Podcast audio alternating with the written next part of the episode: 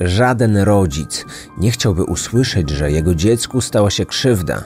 Nie chciałby zamartwiać się, gdzie ono jest i czy jest bezpieczne. Niestety, złe sytuacje zdarzają się częściej niż można przypuszczać. Przekonali się o tym rodzice Adama Walsha, John i Revey.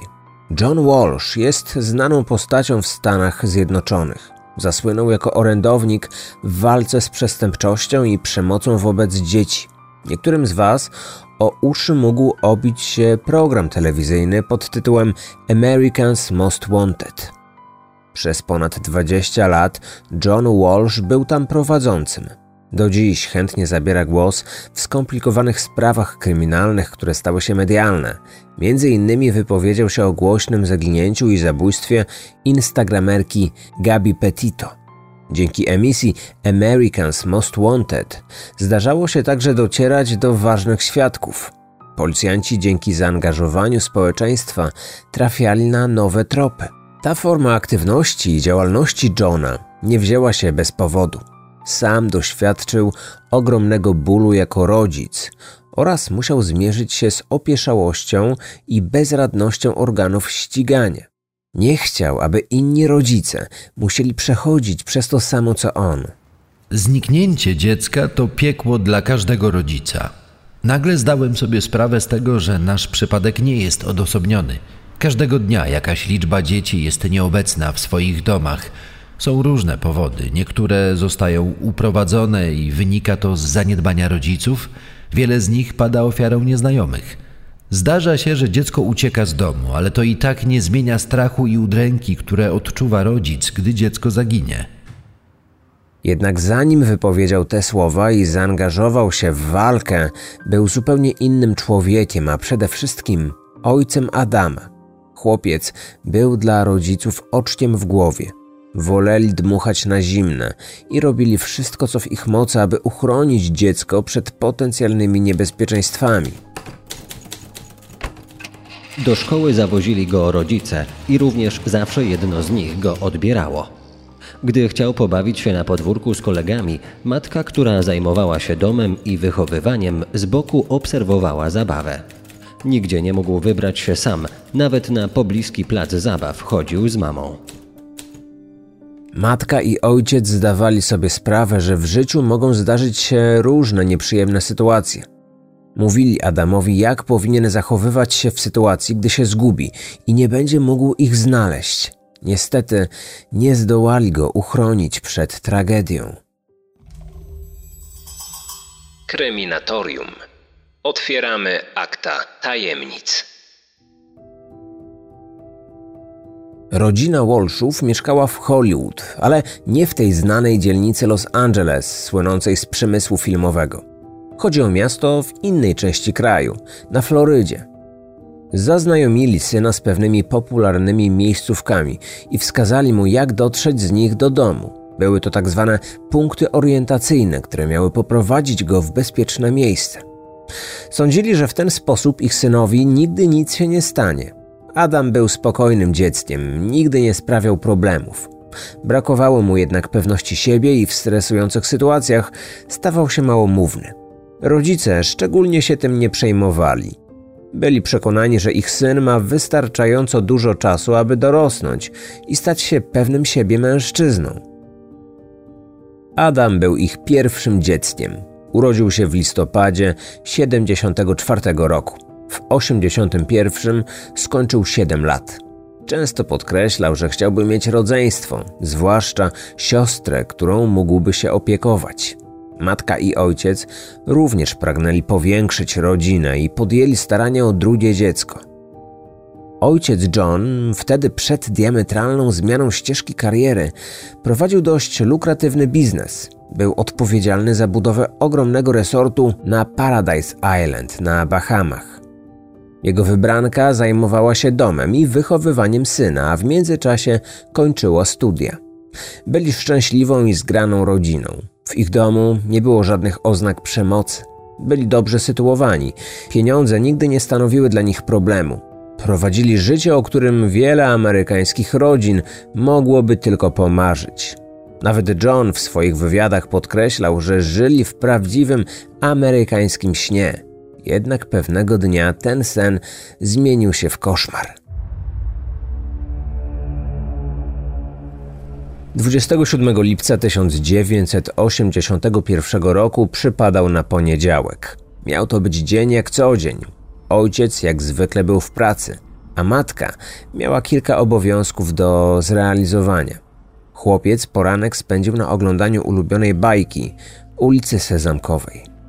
W pobliżu ich domu było centrum handlowe i kilka dni wcześniej pani domu upatrzyła lampę do salonu, więc razem z synem chciała się tam wybrać. Później miała odwieźć dziecko do babci i sama wybrać się na siłownię. Kiedy zjawili się w centrum koło 12, Adam zaprowadził swoją mamę do sklepu z zabawkami. Jego uwagę zwróciło stoisko z grami wideo. Wokół kręciło się kilku chłopców. Niektórzy byli w wieku zbliżonym do niego, inni zaś nieco starsi. Sprzedawca pozwolił im na wypróbowanie jednej z nowych gier, więc Adam był bardzo podekscytowany. Matka uznała, że pozwoli sześcioletniemu synowi na to, by skorzystał z okazji, a ona w tym czasie szybko pójdzie po lampę. Powiedziała mu, żeby pod żadnym pozorem nigdzie się nie oddalał. Chłopiec obiecał, że poczeka na matkę i nie odejdzie od stanowiska z grą. Kobieta obiecała, że wróci za parę minut i pójdą wtedy na lody. Nie było jej przy Adamie około pięciu, może maksymalnie dziesięciu minut. Gdy wróciła, w sklepie nie było żadnych dzieci. Musiałem wyprosić wszystkich chłopców ze sklepu z powodu problemów technicznych. Byłem przekonany, że wszyscy przyszli jedną grupą, dlatego zwróciłem się do najstarszego z nich, żeby opuścili teren sklepu. Żaden się nie odezwał i nie zaprotestował. Przestraszona kobieta od razu zaczęła szukać syna. Podeszła do jednego z chłopców, który wcześniej był w tym samym sklepie i też interesował się grą. Zapytała, czy może wie, gdzie poszedł jej syn. Dziecko wskazało na wyjście z galerii handlowej. Były to drzwi od zachodniej strony, a Adam wraz z rodzicami zawsze korzystali z wejścia od północy. Matka i ojciec wpoili mu przecież, jak powinien się zachowywać w momencie, gdyby się zgubił. Sześciolatek powinien skorzystać z wyjścia od północnej strony, ale stało się zupełnie inaczej. Trzydziestolatka miała przeczucie, że stało się coś złego. Sprawdziła każdy zakamarek galerii handlowej oraz okolice na zewnątrz. Przypadkowo trafiła na teściową, która włączyła się w poszukiwanie. O zaginięciu chłopca poinformowano ochronę. Adam nie zareagował na wielokrotne wołanie go przez matkę i pracowników ochrony. Kobieta była już wtedy pewna, że jej synowi stało się coś złego. Chwilę przed czternastą powiadomiła policję. Policja w Hollywood błyskawicznie rozpoczęła akcję poszukiwawczą. W przypadku zaginięć dzieci czas odgrywa ogromne znaczenie, więc trzeba działać od razu. Rodzice chłopca wykorzystali do pomocy media. Sprawy kryminalne, zwłaszcza powiązane z najmłodszymi, wzbudzają ogromne zainteresowanie i współczucie ze strony społeczeństwa. Dziennikarze więc stale podnosili ten temat. Na łamach gazet i w programach telewizyjnych rodzice chłopca apelowali do osoby, która uprowadziła ich dziecko, by im je zwróciła. Również zwracali się bezpośrednio do syna, nawiązywali do punktów orientacyjnych i miejsc, które miały stanowić dla sześciolatka wskazówkę oraz pomoc w przypadku jego zaginięcia lub niebezpieczeństwa. W ten sposób miał odnaleźć drogę do domu. W mieście rozwieszano plakaty z dwoma fotografiami przedstawiającymi Adama. Na jednej z nich nieśmiało patrzy w obiektyw, a na drugiej jest uśmiechnięty od ucha do ucha i dziarsko trzyma kij baseballowy. To właśnie ta druga fotografia pojawia się dziś najczęściej w internecie po wpisaniu jego nazwiska w wyszukiwarkę. Rodzina była skłonna zaoferować 100 tysięcy dolarów za informację, gdzie znajduje się ich syn. Taka suma zachęcała do tego, by ludzie dzwonili na policję, twierdząc, że w okolicy widzieli podobne dziecko. Jednak, jak łatwo można się domyśleć, większość doniesień była wyssana z palca. Policja nie miała żadnych większych tropów. Rodzina nie miała wrogów.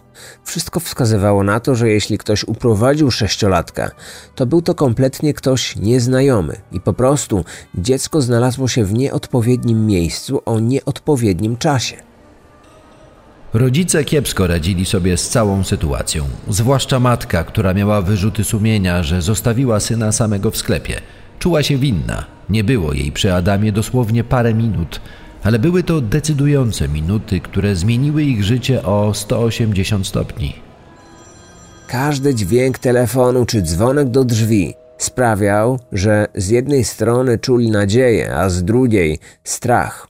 To mogła być wiadomość dotycząca Adama, że został odnaleziony. Jednak zdawali sobie sprawę, że znalezienie mogło wiązać się także z dramatycznymi wieściami.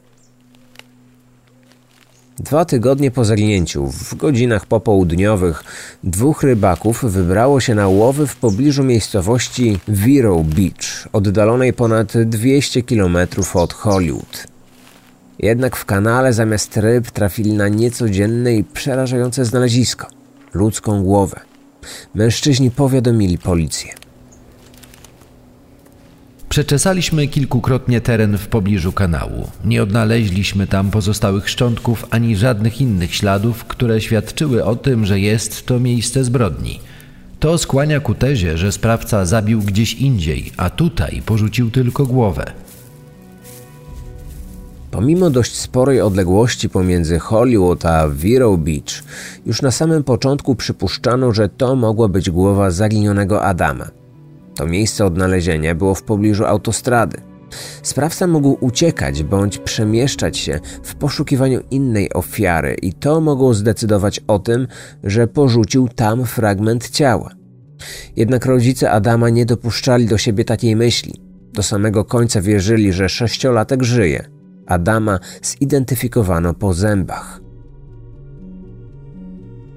Policja miała nadzieję, że uda im się w okolicy odnaleźć pozostałe szczątki. Jednak poza głową nie znaleziono żadnych innych fragmentów ciała. Wyniki badań mózgu Denata wskazują na to, że do zgonu doszło najprawdopodobniej 10 lub więcej dni przed odkryciem. Chłopiec otrzymał pięć wyraźnych ciosów w głowę. Bezpośrednią przyczyną śmierci było jednak najprawdopodobniej uduszenie. Policja rozpoczęła śledztwo w sprawie zabójstwa od przesłuchania rodziców ofiary i innych najbliższych osób.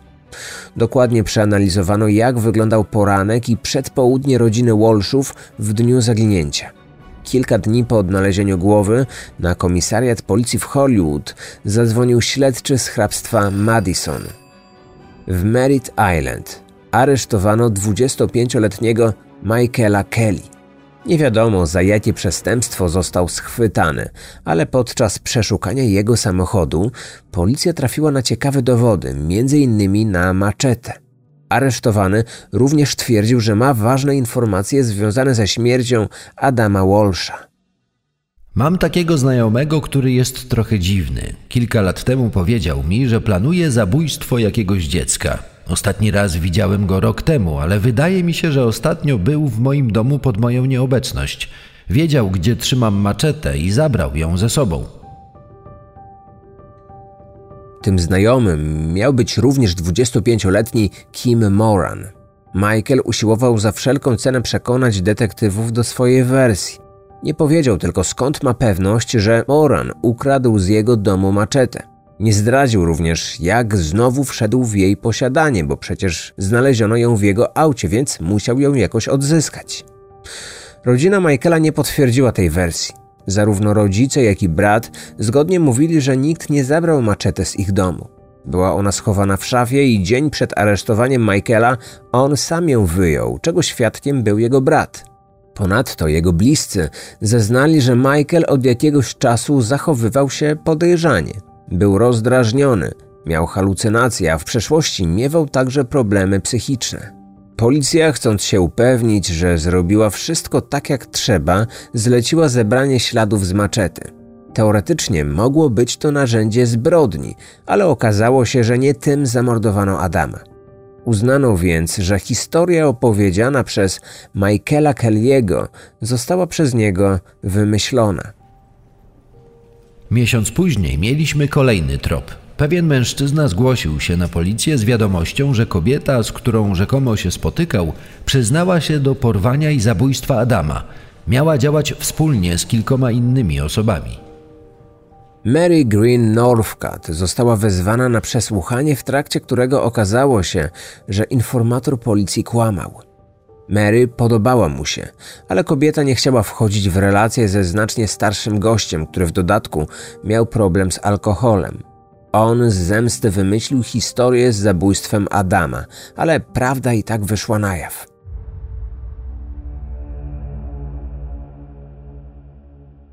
Dziesięć lat później sprawa wciąż była otwarta, choć rodzina Adama robiła wszystko, aby dowiedzieć się, kto zabił chłopca i działali nawet na własną rękę. W 1991 roku schwytano Jeffreya Damera, zwanego kanibalem z Milwaukee. Seryjny zabójca odpowiedzialny za śmierć 17 osób. Zabijał tylko mężczyzn, a najmłodszy z nich w chwili śmierci miał 14 lat. Damer zabijał, ale także gwałcił i dokonywał aktów kanibalizmu. Swoje ofiary dusił, a po ich śmierci ćwiartował ich zwłoki. 19 lipca 1991 roku dokonał swojego ostatniego mordu. Trzy dni później chciał kolejny raz zabić, ale tym razem mu się nie udało. Damer podawał ofiarom środki usypiające, ale mężczyzna, który miał mu wtedy pozować do zdjęć, nie wypił zaserwowanego mu drinka.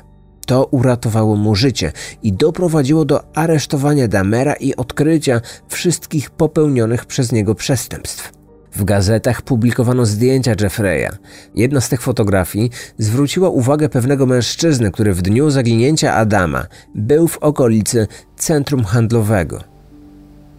Widziałem wtedy młodego, około dwudziestoletniego białego mężczyznę. Na głowie miał niebieską czapkę bejsbolową. Siłą zmusił chłopca do tego, by wsiadł do jego auta, białego wana. Widziałem go tylko z profilu, ale jak patrzę na zdjęcie tego gościa w gazecie, który został niedawno złapany, jestem niemal pewien, że to on.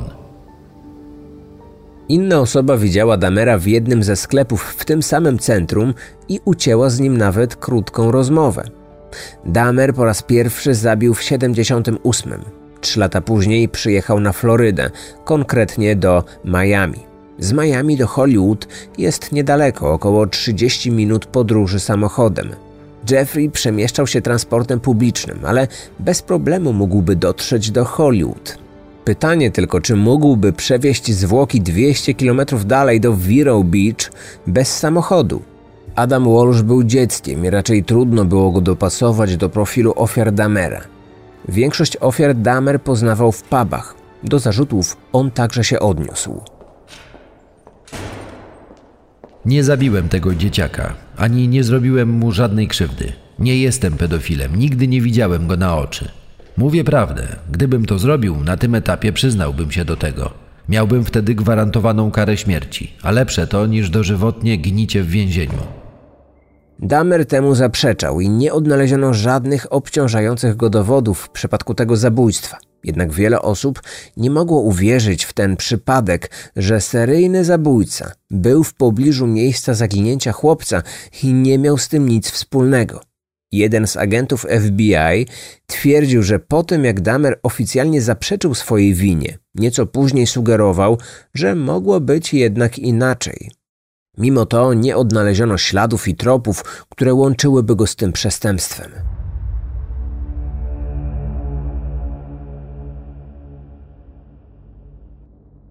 John Walsh po śmierci syna, nie mogąc znaleźć odpowiedzi na pytanie, kto był zabójcą, zaangażował się w aktywizm i wspierał publicznie inne rodziny, które mierzyły się z podobnymi tragediami. Wraz z żoną założył fundację, która działa do dziś i pomaga organom ścigania w nagłaśnianiu zaginięć dzieci oraz prowadzi infolinię dla rodziców i opiekunów, których dzieci zaginęły. Jeszcze w latach 80. John otrzymał propozycję prowadzenia programu. To właśnie za sprawą tego programu pewien mężczyzna zażądał rozmowy z Johnem. Twierdził, że wie, co mogło przytrafić się Adamowi. Sądził, że jego śmierć mogła być powiązana z morderstwem z 1980 roku, do którego doszło w Hollywood. Ofiarą była dwunastoletnia dziewczynka, która została uduszona, a jej zwłoki porzucono w pobliżu klubu golfowego. Policja na głównego podejrzanego wytypowała niejakiego Alzmora Tibolta. Mężczyzna był właścicielem błękitnego vana, a taki pojazd był widziany w pobliżu centrum handlowego w dniu zaginięcia Adama. Policja na prośbę Walshów zbadała ten wątek, ale poza samochodem nie było żadnych innych powiązań. T-Bolt był wcześniej karany m.in. za włamanie. Nie przyznał się jednak ani do zabójstwa dziewczynki, ani do porwania i zamordowania Adama. Śledczy uznali, że faktycznie nie miał nic wspólnego z tragedią Walshów. Był to kolejny ślepy zaułek. W tym śledztwie było właśnie dużo ślepych zaułków i tropów, które z początku wydawały się obiecujące, ale ostatecznie prowadziły donikąd. Poza jednym wyjątkiem. W 1983 roku przestępca z dość dużą kartoteką, Otis Tool, wyznał policji, że wraz z kolegą uprowadził z centrum handlowego chłopca, a później go zamordowali. Tym chłopcem miał być właśnie Adam, Tool pochodził z Jacksonville na Florydzie. Nie miał łatwego życia. W dzieciństwie padł ofiarą przemocy i zaniedbania ze strony matki, która piła za dużo alkoholu. Kobieta miała zmuszać syna do noszenia dziewczęcych ubrań i nazywać go Susan. Ponadto pozwalałoby zarówno jej znajomi, jak i pozostali członkowie rodziny wykorzystywali go seksualnie. Do pierwszego gwałtu miało dojść, gdy on miał 5 lat, a jego oprawcą był przyjaciel ojca. Gdy był starszy, zrozumiał, że jest gejem, ale rodzice nie byli w stanie tego zaakceptować. Babcia miała nazywać go dzieckiem diabła. Staruszka podobno była satanistką i w rytuały satanistyczne wtajemniczała wnuka. Jako dziecko nie radził sobie najlepiej w szkole, dlatego w pewnym momencie ją rzucił. Wykryto u niego niepełnosprawność intelektualną w stopniu lekkim.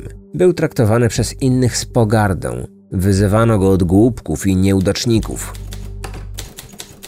Bardzo fascynował go ogień i jego przestępcza kariera rozpoczęła się od podpaleń. Kiedy miał 14 lat, zabił po raz pierwszy. Świadczył wówczas usługi seksualne i jego pierwszą ofiarą był klient. Jednak nie został wtedy złapany. Do pierwszego aresztowania doszło trzy lata później, a powodem było włóczęgostwo. Na początku lat 70. podejrzewano go o zabójstwo dwóch kobiet, jednak mężczyzna był dość sprytny, zmieniał miejsca zamieszkania i nie dał się złapać. W 76. w jadłodajni dla ubogich poznał Henry'ego Lee Lucasa. Henry również pochodził z domu, w którym przemoc była na porządku dziennym. Matka sypiała z mężczyznami za pieniądze i zmuszała syna do patrzenia na to, jak uprawiała z nimi seks. Nienawidził jej i pewnego dnia ją zabił. Miał na swoim koncie kilka napaści seksualnych i włamanie do domu, za które został skazany. Molestował seksualnie m.in. swoją pasierbicę. Kiedy ścieżki tych dwóch mężczyzn się skrzyżowały, stali się przyjaciółmi, kochankami i partnerami w zbrodni. Lukas uwiódł siostrzenicę Tula, która miała 15 lat i podobnie jak u jej wujka, u niej również stwierdzono niepełnosprawność intelektualną. Henry wykorzystał ten fakt i kiedy dziewczyna znalazła się w schronisku dla nieletnich, nakłonił ją do ucieczki razem z nim. Udawali małżeństwo i podróżowali po kraju, ale nigdzie nie zagrzali miejsca na dłużej. W pewnym momencie piętnastolatka zniknęła. Jak się później okazało, została zamordowana.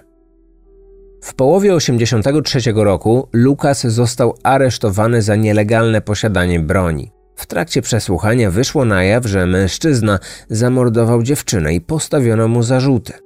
Tool został aresztowany jakiś czas później za podpalenie, ale wyszło na jaw, że na sumieniu ma znacznie poważniejsze przewinienie. Dokonał m.in innego podpalenia domu, ale w środku był mężczyzna, z czego Otis doskonale zdawał sobie sprawę i celowo uniemożliwił mu ucieczkę z płonącego budynku. Ofiarą był jego były partner seksualny.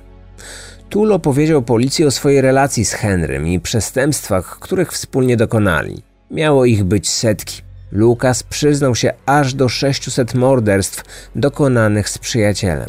Jedną z takich zbrodni miała być sprawa Adama, Wraz z moim przyjacielem uprowadziliśmy w lipcu 1981 roku chłopca z centrum handlowego.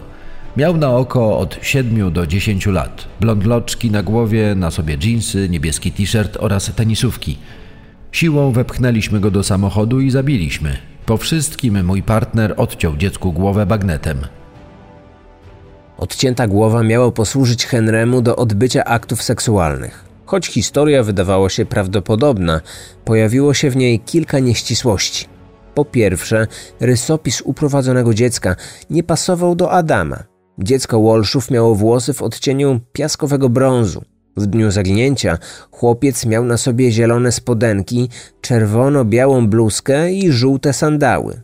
Poza tym okazało się, że w dniu zaginięcia Henry był w areszcie. Nie mógł więc uczestniczyć w porwaniu i zabójstwie Adama. Jednak policja miała nieodparte wrażenie, że w wyjaśnieniach Tula było jakieś ziarno prawdy.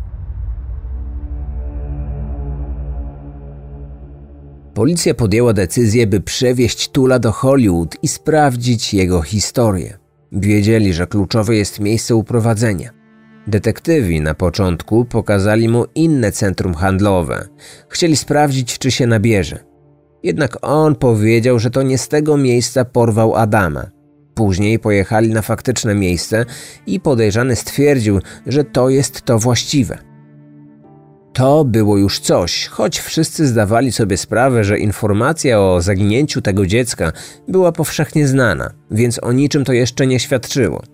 Zapytano więc podejrzanego, gdzie pozostałe szczątki sześciolatka. Otis wskazał na pewną lokację, o której napomknął również nieco wcześniej. Było to gdzieś na południu Florydy. Przeszukano dokładnie ten teren, lecz nie odnaleziono tam żadnych ludzkich zwłok. Kolejny raz zapytali mężczyznę, gdzie ukrył ciało.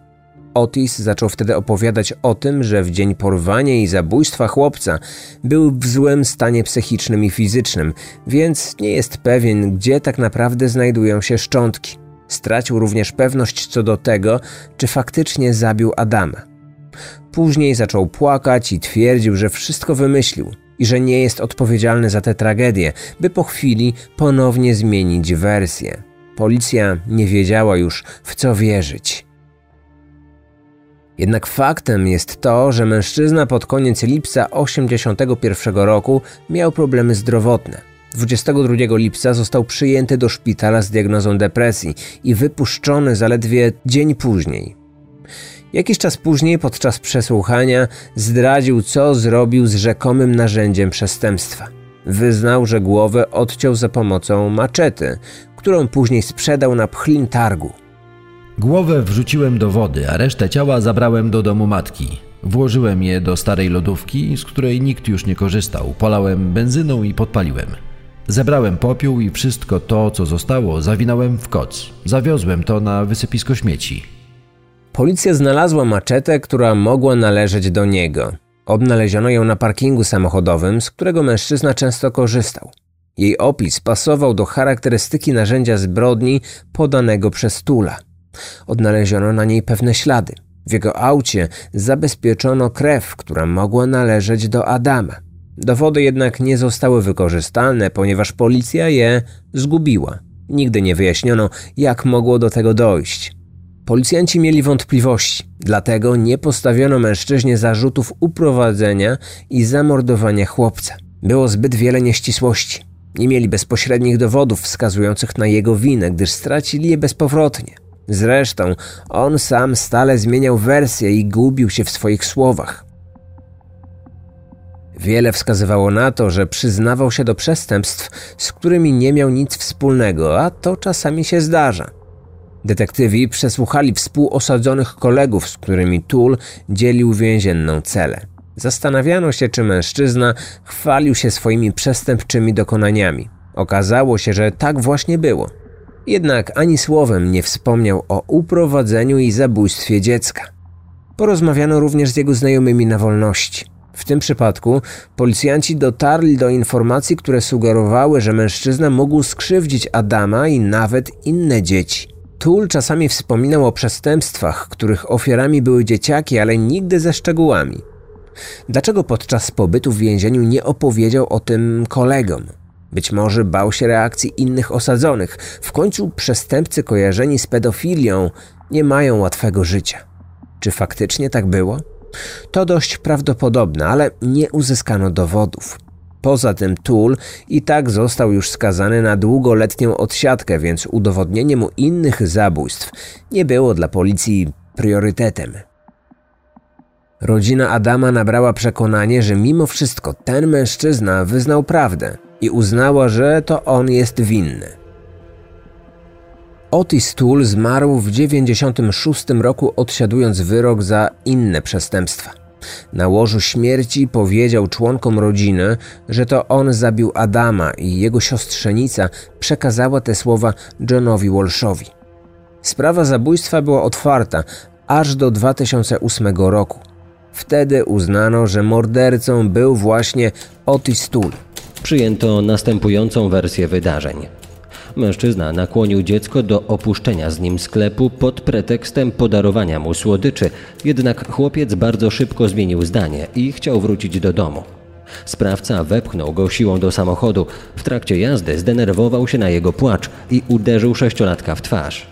Będąc daleko od miasta na odludziu, pobił dotkliwie ofiarę i udusił, po czym odciął głowę za pomocą maczety. Pozostałych szczątków nigdy nie odnaleziono. Nie wiadomo, co się z nimi stało. Nie wiadomo, czy Tul faktycznie je spalił, a popiół porzucił na wysypisku śmieci, choć taka wersja wydaje się dosyć prawdopodobna. Nie wszyscy wierzą w jego winę. Niektórzy uważają, że został wrobiony przez policję, która chciała w końcu po wielu latach zamknąć sprawę. Na wielu forach internetowych poświęconych zagadkom kryminalnym można odnaleźć spekulacje co do tego, kim mógł być właściwy sprawca. O tym, że Tul naprawdę odpowiadał za śmierć Adama, może przekonywać sprawa, do której doszło ponad dwa miesiące po jego zamordowaniu. Ujrzała ona światło dzienne kilka lat temu.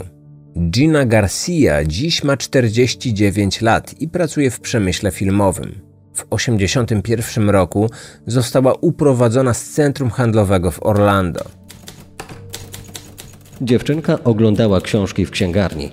W tym samym sklepie było również jej rodzeństwo, które przez chwilę nie zwracało uwagi na siostrę. Matka robiła zakupy w innym sklepie. Na dziewczynkę wpadł mężczyzna, który twierdził, że jest z ochrony. Zapytał ją, jakich książek szuka, a kiedy ta odpowiedziała, rzekomy ochroniarz odrzekł, że ma książki o takiej właśnie tematyce w samochodzie. Dziecko, które potrzebowało ich akurat do zrealizowania szkolnego projektu, uwierzyło nieznajomemu i razem po nie poszli. Gina miała wówczas 8 lat. Przed tym wydarzeniem była uśmiechniętym dzieckiem. Uwielbiała baseball, podobnie jak Adam. Mężczyzna początkowo był miły, jednak kiedy dotarli do samochodu, zmienił oblicze. Stał się potworem. Tak po latach wspominała to Gina. Wepchnął ją do środka i zaczął grozić nożem. Drugą ręką zdjął jej spodnie i bieliznę, po czym zgwałcił. Po wszystkim usiadł za kierownicą i chciał odjechać. Prawdopodobnie wywiózłby ją i zamordował. Jednak drzwi nie były zablokowane, więc Gina je otworzyła i wyskoczyła na zewnątrz. Uciekła od swojego oprawcy i wróciła do księgarni. Wszystko działo się tak szybko, że jej rodzeństwo nie zauważyło nawet jej nieobecności. Jej matka powiadomiła policję, a dziewczynka przeszła obdukcję. Na jej ciele znaleziono ślady nasienia, jednak policjanci nie przejęli się zbytnio całą sytuacją. W toku śledztwa udało im się odnaleźć samochód, którym przemieszczał się sprawca, ale okazało się, że pojazd był kradziony. Jeden z funkcjonariuszy miał powiedzieć matce, że powinna się cieszyć, że jej córka żyje. Na tym właściwie sprawa się zakończyła. Mimo to dziewczynka nie jest w stanie zapomnieć tego, co się wtedy wydarzyło. Jej gwałciciel i porywacz nigdy nie został złapany. Kiedy kobieta usłyszała o zabójstwie Adama, zwróciła uwagę na pewne podobieństwa. Zarówno ona, jak i Adam zostali uprowadzeni z centrum handlowego. Orlando znajduje się również na Florydzie i od Hollywood dzieli je kilka godzin samochodem. Ta kobieta z uwagi na doznaną traumę i minione lata nie pamięta twarzy napastnika. Jednak mówiła nam, że kiedy zobaczyła w mediach fotografię naszego podejrzanego, była pewna, że to on porwał i zamordował Adama, a niedługo później próbował zrobić to samo z nią. Gina również wyznała, że sprawca wziął ją za chłopca. Historia Giny dotarła do Johna Walsha, który również podziela jej stanowisko, że to Otis ją skrzywdził. Uważa, że to nie może być przypadek, że w obrębie jednego stanu w tak krótkim czasie doszło do dwóch podobnych zdarzeń. Trzeba przyznać, że jest sporo podobieństw. Być może sprawcą był faktycznie Tool i prawdę zabrał ze sobą do grobu. Odcinek powstał na podstawie książki autorstwa Johna Walsha zatytułowanej Tears of Rage oraz artykułów prasowych z takich portali jak New York Post, ABC News i Local 10 autorstwa dziennikarzy Dory Liłek, Jeff Martz, Michelle F. Solomon. Wykorzystano również akta sprawy Adama Walsha opublikowane przez amerykańską policję i dostępne w internecie.